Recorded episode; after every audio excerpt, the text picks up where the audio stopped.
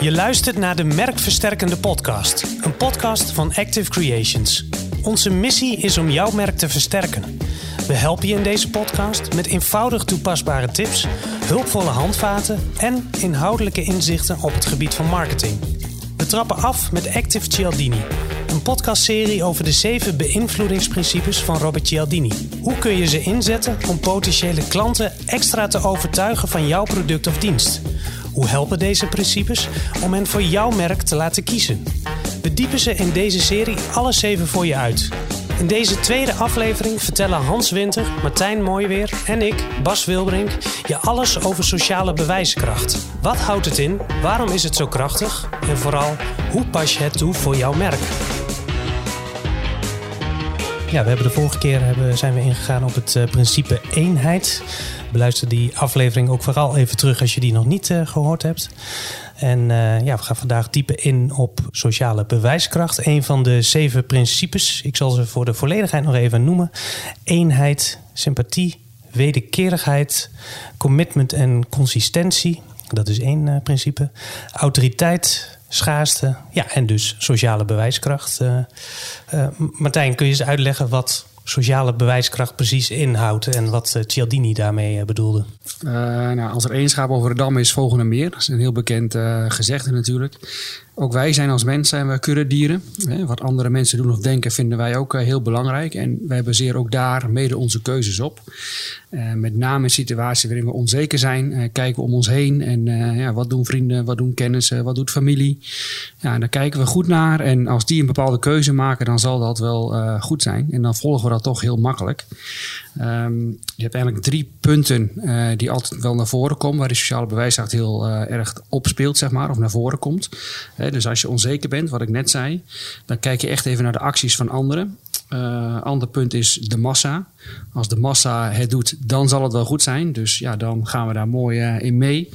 En als derde punt heb je natuurlijk uh, dan nog gelijksoortigheid. Hè, dat zijn de familie, de vrienden, de kennissen. Als die de keuze maken, dan ja, wordt het voor ons ook makkelijker om die keuze dan ook maar te maken. Want dan zal het wel goed zijn. Ja. Hè, dan zal het wel juister zijn, het zal wel haalbaarder zijn of het zal sociaal wel acceptabeler zijn. Ja, ik, heb ook, uh, ik moet ook altijd denken aan uh, Lemmings, dat, dat spel van vroeger. Kennen jullie dat? Een computerspel? Of is dat... Uh... Zeg mij niks. Nee? Misschien is het dan nog net voor jouw tijd. Dat is onze generatie. Bas. Onze generatie, ja. Maar dat zijn allemaal van die poppetjes, die lopen allemaal achter elkaar aan. En jij moet dan zorgen dat ze niet de afgrond in storten. Anders lopen ze allemaal achter elkaar de afgrond ah, in. Okay. Dat, uh, ja, dat doen we ook een beetje aan denken. En, uh, dat sluit ook wel een beetje aan bij, bij onderzoek um, dat de Universiteit van Leeds uh, deed. Dat maar een klein, klein deel van een groep nodig is, volgens mij zo'n 5%, um, om de rest van de groep tot actie aan te zetten. Dus we zijn gewoon echt geneigd om, ja, om andere mensen te volgen. Inderdaad ook uh, als je het gevoel hebt dat, je, dat die mensen gelijk zijn. En dat sluit ook wel weer een beetje aan bij het vorige principe uh, dat we behandeld hebben, eenheid. Als we onderdeel zijn van een groep, je kan je verplaatsen in, in andere mensen. Dan ben je ook eerder geneigd om ja, die persoon te volgen. Ja, waar, waarom is sociale bewijskracht zo, zo krachtig? Nou, we imiteren elkaar heel snel uh, in, in deze wereld. En dat uh, laat de adoption of lifecycle ook heel duidelijk zien. als er een nieuw product in de markt gezet wordt, dan heb je altijd de early, het zijn de innovators. Hè, die, die, die brengen dat product. Die zullen het ook als eerste gaan, gaan afnemen. Dan heb je de, de early adopters. Hè, dat is een klein percentage, zo'n 13,5%. Die gaan ermee aan de haal. Die worden dan gevolgd door de early majority. 34% van de mensen die, die dat uh, zijn. De late majority komt daar weer na, ook zo'n 34%. En de laggards, hè, de achterblijvers, die volgen pas op het allerlaatst. En dat is zo'n 16%. En zo zie je altijd dat uh, die imitatie, die volgt elkaar altijd in stapjes op. Ja, het is ook wel mooi om te zien bij kledingtrends. Als je kijkt naar, naar wat we in de jaren 80 en 90 droegen aan kleding. Um, ja, ik schaam me er wel eens voor als ik uh, foto's weer terugzie uh, uit die tijd. ik weet niet of dat bij jullie hetzelfde is. Oh, kijk, soms ook met gemengde gevoelens aan. ja. In de jaren tachtig liep ik nog in de luiers. Dus, oh ja, ja, ja. Nou, ik ook deels, maar... maar dat waren toch hele wijde kleren. En ja, je ziet dan ook wel weer bepaalde trends opnieuw terugkomen. Maar Ja, die trends, dat zijn altijd inderdaad een paar mensen die beginnen ermee. En dan volgt een hele nou, verschillende groepen mensen volgen dan. En die eerste groep begint dan misschien weer met een nieuwe trend. En zo heb je steeds wel weer uh, nieuwe trends. Ja, dat, dat, zie je natuurlijk ook wel heel erg terug met uh, uh, bekenden. En zeker op wereldschaal. Hele grote artiesten die dan in één keer uh, met bepaalde kleding aan gaan lopen. Daar gaat men allemaal in volgen omdat je daarbij wil horen. Ja, nou, precies. Dat, heeft al, dat raakt een beetje aan eenheid, het vorige principe. Ja. Maar het is natuurlijk ook dat stuk sociale bewijskracht. Ja, ja, als je kijkt waar uh, Lewis Hamilton, Formule 1-coureur, soms uh, in loopt qua kleren, dan is hij in ieder geval heel uh, vooruitstrevend. Zou je dat kunnen doen? Ja, ik heb alleen niet het idee dat de, de meerderheid hem aan het volgen is. Nee, misschien is dit een slecht voorbeeld.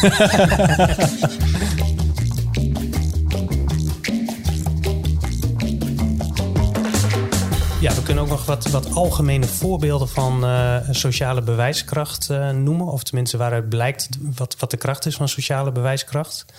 Zo kreeg ik uh, onlangs een mail van de tennisvereniging... waar ik en mijn kinderen lid van zijn geworden.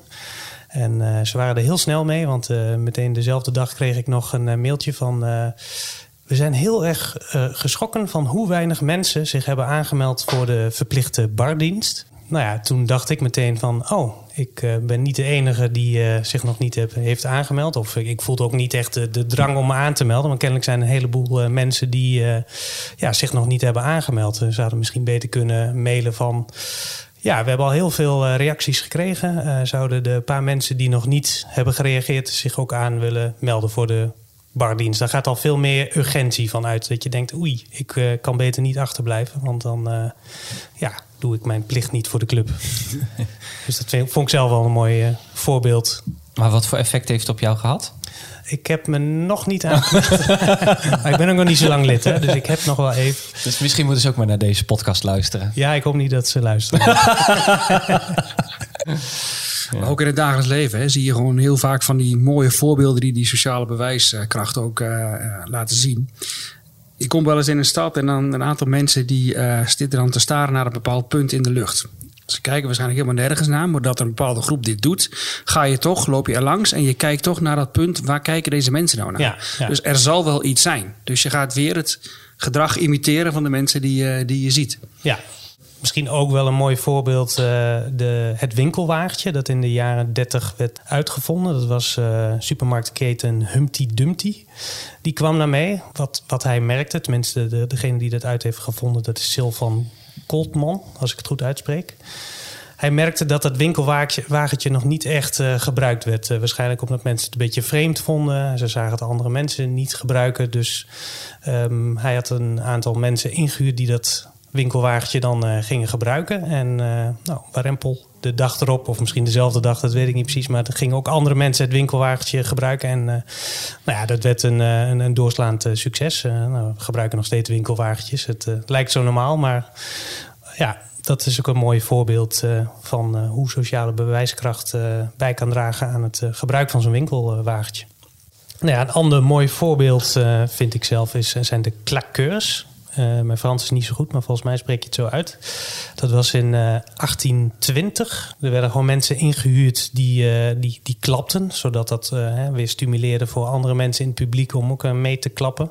Je had ook mensen die, die, die gingen lachen op de juiste momenten. Of juist een zakdoek erbij pakken en hun ogen gingen deppen. Omdat ze emotioneel waren. Allemaal om dat effect bij het grote publiek ook te bewerkstelligen voor jou, Martijn, misschien als voetballiefhebber. Hoe heb jij uh, de coronaperiode beleefd uh, toen hè, die, die uh, voetbalwedstrijden werden uitgezonden met lege stadions? Ja, dan mis je toch een heel groot stukje sfeer en beleving tijdens het kijken van zo'n wedstrijd. Maar wat je dan wel merkt is dat het toch kunstmatig wordt er dan ondergemonteerd. Dus als er een grote kans is, dan hoor je toch publiek de oes en de a's schreeuwen. Ja. ja, en het brein werkt dan toch zo dat je toch een bepaalde beleving en gevoel daarbij krijgt. Waardoor het toch wel leuker werd om daar weer naar te kijken. Maar gelukkig zitten de stadions weer uh, lekker vol en uh, is het weer als vanouds.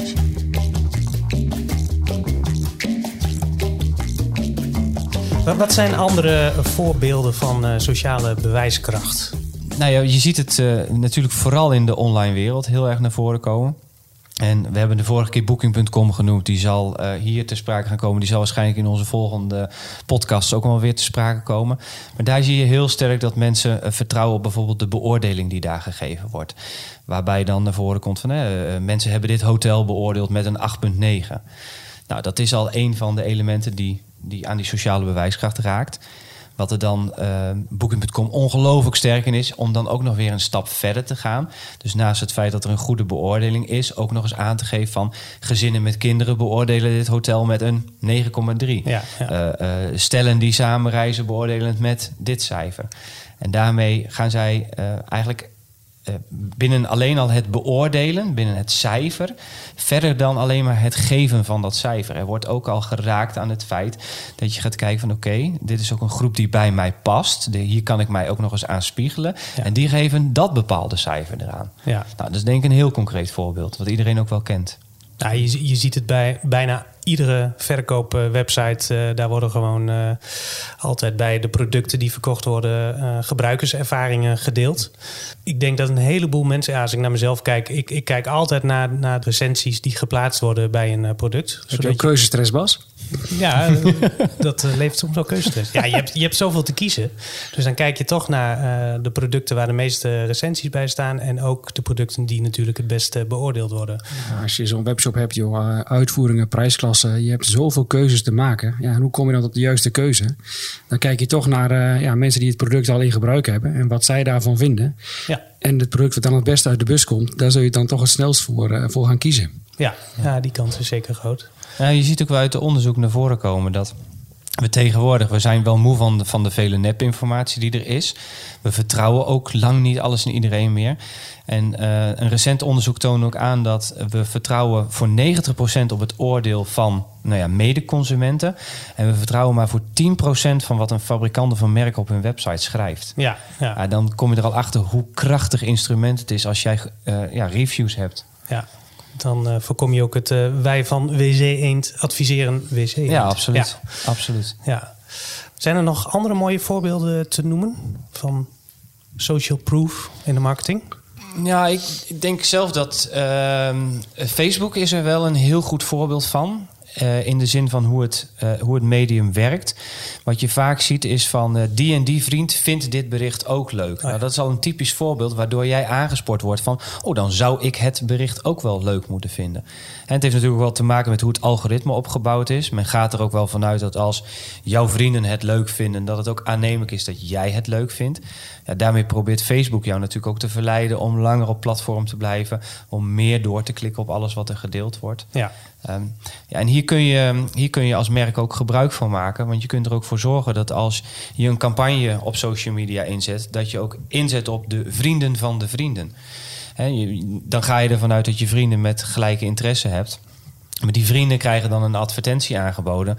Waarop bijvoorbeeld staat van... joh, uh, Bas vindt, uh, vindt uh, deze gitaar hartstikke leuk. Ja. dan ga je er al een beetje vanuit dat je hem zelf ook wel leuk moet vinden. Want ja, Bas die heeft daar toch wel verstand van. Ja, ja precies.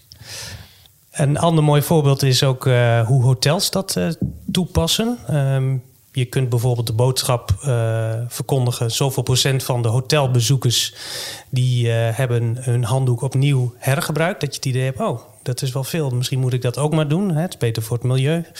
Maar als je dat nog specifieker toepast, door te zeggen van zoveel procent van de gebruikers van deze kamer die hebben de handdoek hergebruikt, ja, dat versterkt het effect nog meer.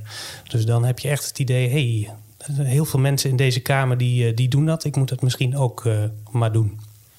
Ja, en dat raakt ook wel aan. Hè, Martijn noemde net ook die drie voorwaarden aan. Of de, de, eigenlijk waardoor sociale bewijskracht zo sterk wordt. En dat was de onzekerheid, de massa en de gelijksoortigheid. Die, dit voorbeeld raakt natuurlijk heel erg aan die gelijksoortigheid. Want je kunt je verplaatsen in het feit van... oh, dus andere mensen die voor mij in dezezelfde kamer zaten... die gebruikten hun handdoek opnieuw. Ja, Dat voelt toch anders dan inderdaad de rest van het hotel. Ja, moeten wel proberen om dat in een positieve vibe te houden, zeg maar, met de percentages noemen. Je hebt bijvoorbeeld uh, voorbeelden in de kranten over beschonken uh, bestuurders die achter de stuur zitten. Als er over bericht wordt dat zeg maar 70% van de automobilisten zou beschonken achter het stuur zitten, ja, dan ga je het ook de andere kant op werken. Want iemand die dus fout gedrag vertoont, die denkt dan, oh, ik ben de enige niet, dus ik mag dit wel weer doen. Ja. In het geval van de handdoek, dan heb je het gevoel van, oké, laat ik er ook maar doen. En dan ben je echt met iets goeds voor de wereld uh, bezig.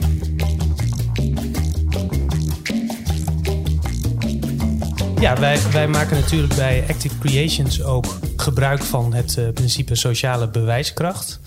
Kun je ze uitleggen, Martijn, uh, hoe wij dat doen voor onze klanten? Ja, wat wij veel uh, doen voor klanten is, uh, wij krijgen dan uh, contactgegevens door van, van onze klanten over hun klanten, zeg maar. Die bellen wij dan. Of wij nemen daar video's mee op waarin we hen vragen stellen over het product of de dienst die zij bij onze klanten af hebben genomen. En daar maken we dan echt mooie klantverhalen van die we plaatsen op hun websites, die we posten op social media. Dus dat andere mensen ook ja, een gevoel en beleving krijgen bij het product of dienst wat onze klanten aanbieden. En uh, natuurlijk hopen we dat die recensies heel positief zijn. Dat zijn ze vaak ook, hè, want onze klanten doen gewoon goed werk. Maar we schuwen het ook niet om af en toe even een kritische noot wel te plaatsen. Want hoe objectiever uiteindelijk zo'n klantbeoordeling is, hoe, ja, hoe betrouwbaarder die ook overkomt. Dus wees er ook niet bang voor als klant zijn dat er een kritische noot in zit. Want ja, het echte verhaal mag, mag verteld worden. Dat is gewoon belangrijk. Ja, en als je het over die kritische noot hebt, de, waar jij het nu over hebt, dat zijn de klanten van de klant. Uh, wat natuurlijk een heel mooi uh, principe is, is om ook uh, recensies uit de media te gaan gebruiken. Dus op het moment dat een product van onze klant getest wordt, daar wordt in de media over geschreven, nou, dan stijgt dat natuurlijk in objectiviteitswaarde enorm. En om juist dat te gebruiken, dus om de quote te gebruiken van bijvoorbeeld een journalist die vertelt wat voor fantastisch product het is. En als je het dan hebt over dat daar ook negatieve klanken in staan, een journalist wil natuurlijk ook kritisch blijven. Dus er staan ook altijd kritische noten in zo'n verhaal. Als je dat naar voren brengt, dan merk je dat dat heel erg overtuigend werkt. Ja, dan noem je de earned media in plaats van de paid media. Ja, ja absoluut. Ja. ja. Een ander voorbeeld is de, het effect wat uh, icoontjes, uh, certificaten op websites hebben, keurmerken bijvoorbeeld. Dat zorgt er al voor dat je automatisch, zonder dat je het zelf doorhebt, langer op een website blijft hangen en meer op onderzoek uitgaat.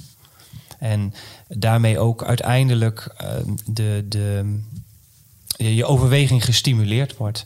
En er een soort van zaadje in je brein geplant wordt van... oh, er staan zoveel certificaten.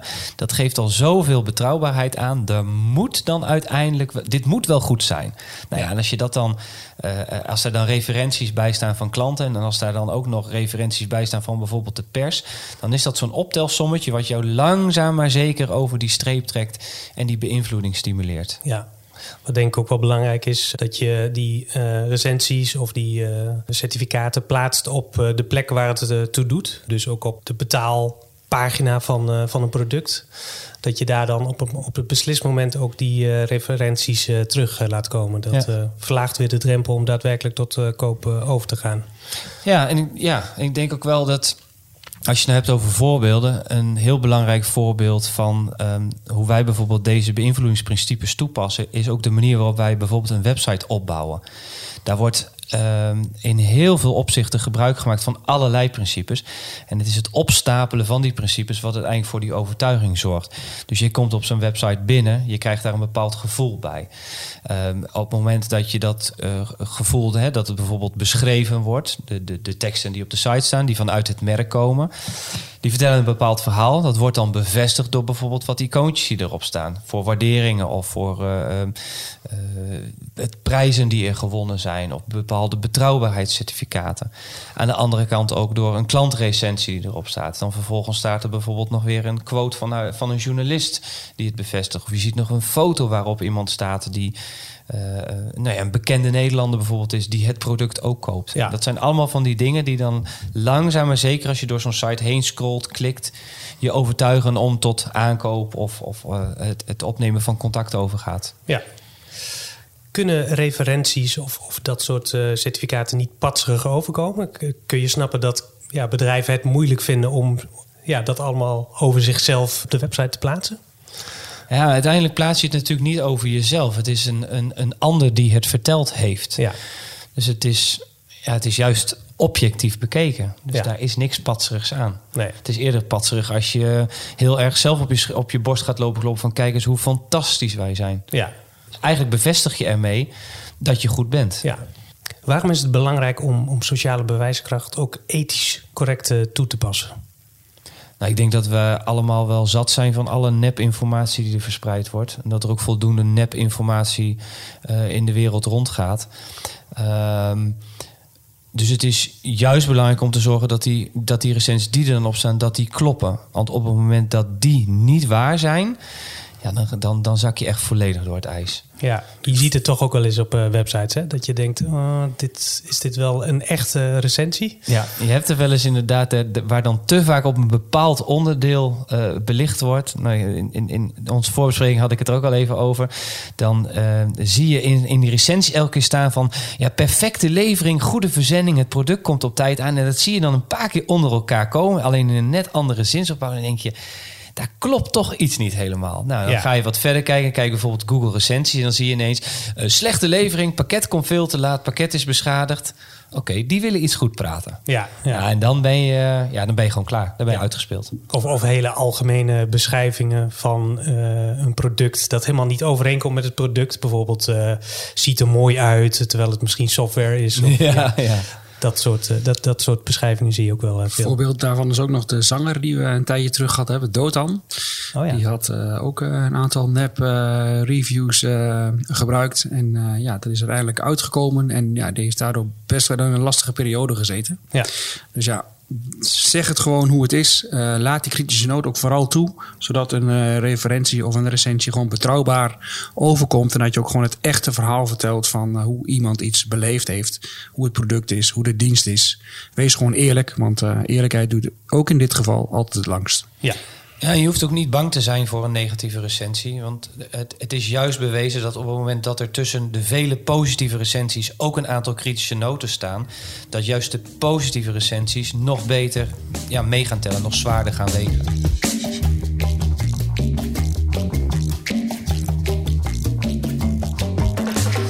Tot slot, uh, wat zijn nou manieren voor uh, de luisteraars om sociale bewijskracht concreet toe te passen voor hun eigen bedrijf? Nou, een van de dingen is om actief aan de slag te gaan om reviews te krijgen. En dat kan bijvoorbeeld door iemand die een product gekocht heeft, uh, een, een, mailtje te doen na die tijd. Van joh, wil je ons beoordelen? Met een linkje naar uh, nou ja, het platform waar je ook maar gebruik van maakt. Bijvoorbeeld Google recensies. Of stel dat je een abonnement hebt op Trustpilot, dat je daarna doorverwijst. Het mooiste is dan ook nog om ervoor te zorgen dat als die reactie geplaatst is, dat je daar ook weer wat mee doet. Dus stel dat het een voor jou heel waardevolle reactie is, dat je zegt van nou, dan plaats ik die ook door op mijn social media. En dan kan ik weer laten zien van hé, hey, hier is een reactie geplaatst, diegene is positief. Nou, daarmee draag je weer hè, druppelsgewijs bij aan het beslissingsproces van iedereen die dat ziet. Als het gaat om producten, als jij als klant die bijvoorbeeld op jouw website aanbiedt, dan zou je bij een product ook kunnen plaatsen van zoveel procent van onze klant heeft al gekozen voor dit product. Hè, waardoor je de massa weer een beetje aanspreekt. Nu zitten we met name op de online uh, voorbeelden. Je hebt natuurlijk offline ook uh, bepaalde trucjes of ja, voorbeelden die je zou kunnen noemen. Als jij bijvoorbeeld met een nieuwe klant uh, in gesprek bent, dan zou je kunnen vertellen voor wie je al uh, uh, datzelfde werk gedaan hebt. het beste werkt vaak als dat dan bekenden zijn van degene waarmee je aan tafel zit. Ja. waardoor het ook weer een bepaalde sociale bewijskracht krijgt van oké, okay, daar heeft het dus gewerkt. Dus dan zal het voor mij ook wel gaan werken. Ja, weer die herkenning ja, en dat, dat, dat, ik denk dat je dat voorbeeld... Uh, in een verkoopgesprek zou je ook bijvoorbeeld namen kunnen noemen. Maar je zou als je een offerte maakt ook wel bijvoorbeeld kunnen aangeven... joh, uh, het product wat we hebben, het is al bewezen... want al zoveel mensen hebben er gebruik van gemaakt. En dan zou je misschien nog concreter kunnen maken... van al zoveel mensen in de branche waarin jij je bevindt... Ja. maken er gebruik van. Of nog mooier, zoveel mensen in de branche waarin jij bevindt, in jouw regio of in jouw woonplaats, maken er al gebruik van. Ja. Dus het zijn ook kleine maniertjes om nou ja, dit concreter te maken in allerlei processen in je bedrijf waar je mee bezig bent. Ja. Of laten weten, dit is, het, uh, meest, uh, dit is de meest populaire keuze. Zodat je eigenlijk uh, het, de beslisser makkelijk maakt in, in zijn keuze. Want die denkt dan van, oké, dit, dit is de meest populaire, daar ga ik ook voor, want ja, dat zal wel goed zijn. Dan komt toch dat principe van die kuddedieren weer uh, naar voren. Ja. Dat, we, dat we allemaal zo lekker volgzaam zijn. En het helpt Bas om zijn keuzestress weg te nemen. Dat ook, dat is ook een groot voordeel. Valt uh, over het algemeen wel mee hoor. nou, ik denk uh, dat dit een mooie afsluiting is van deze aflevering. We gaan binnenkort door met de volgende principes. We gaan ze alles even langs in onze podcastserie Active Cialdini. Tot de volgende aflevering. Bedankt voor het luisteren naar de Merkversterkende podcast. Wil je meer weten over Robert Cialdini en zijn principes? Houd dan de komende tijd onze website activecreations.nl en socials in de gaten. Je vindt er onder meer blogs, video's en tips. Benieuwd naar onze volgende podcast? Abonneer je dan in je favoriete podcastspeler, zodat je hem automatisch ontvangt.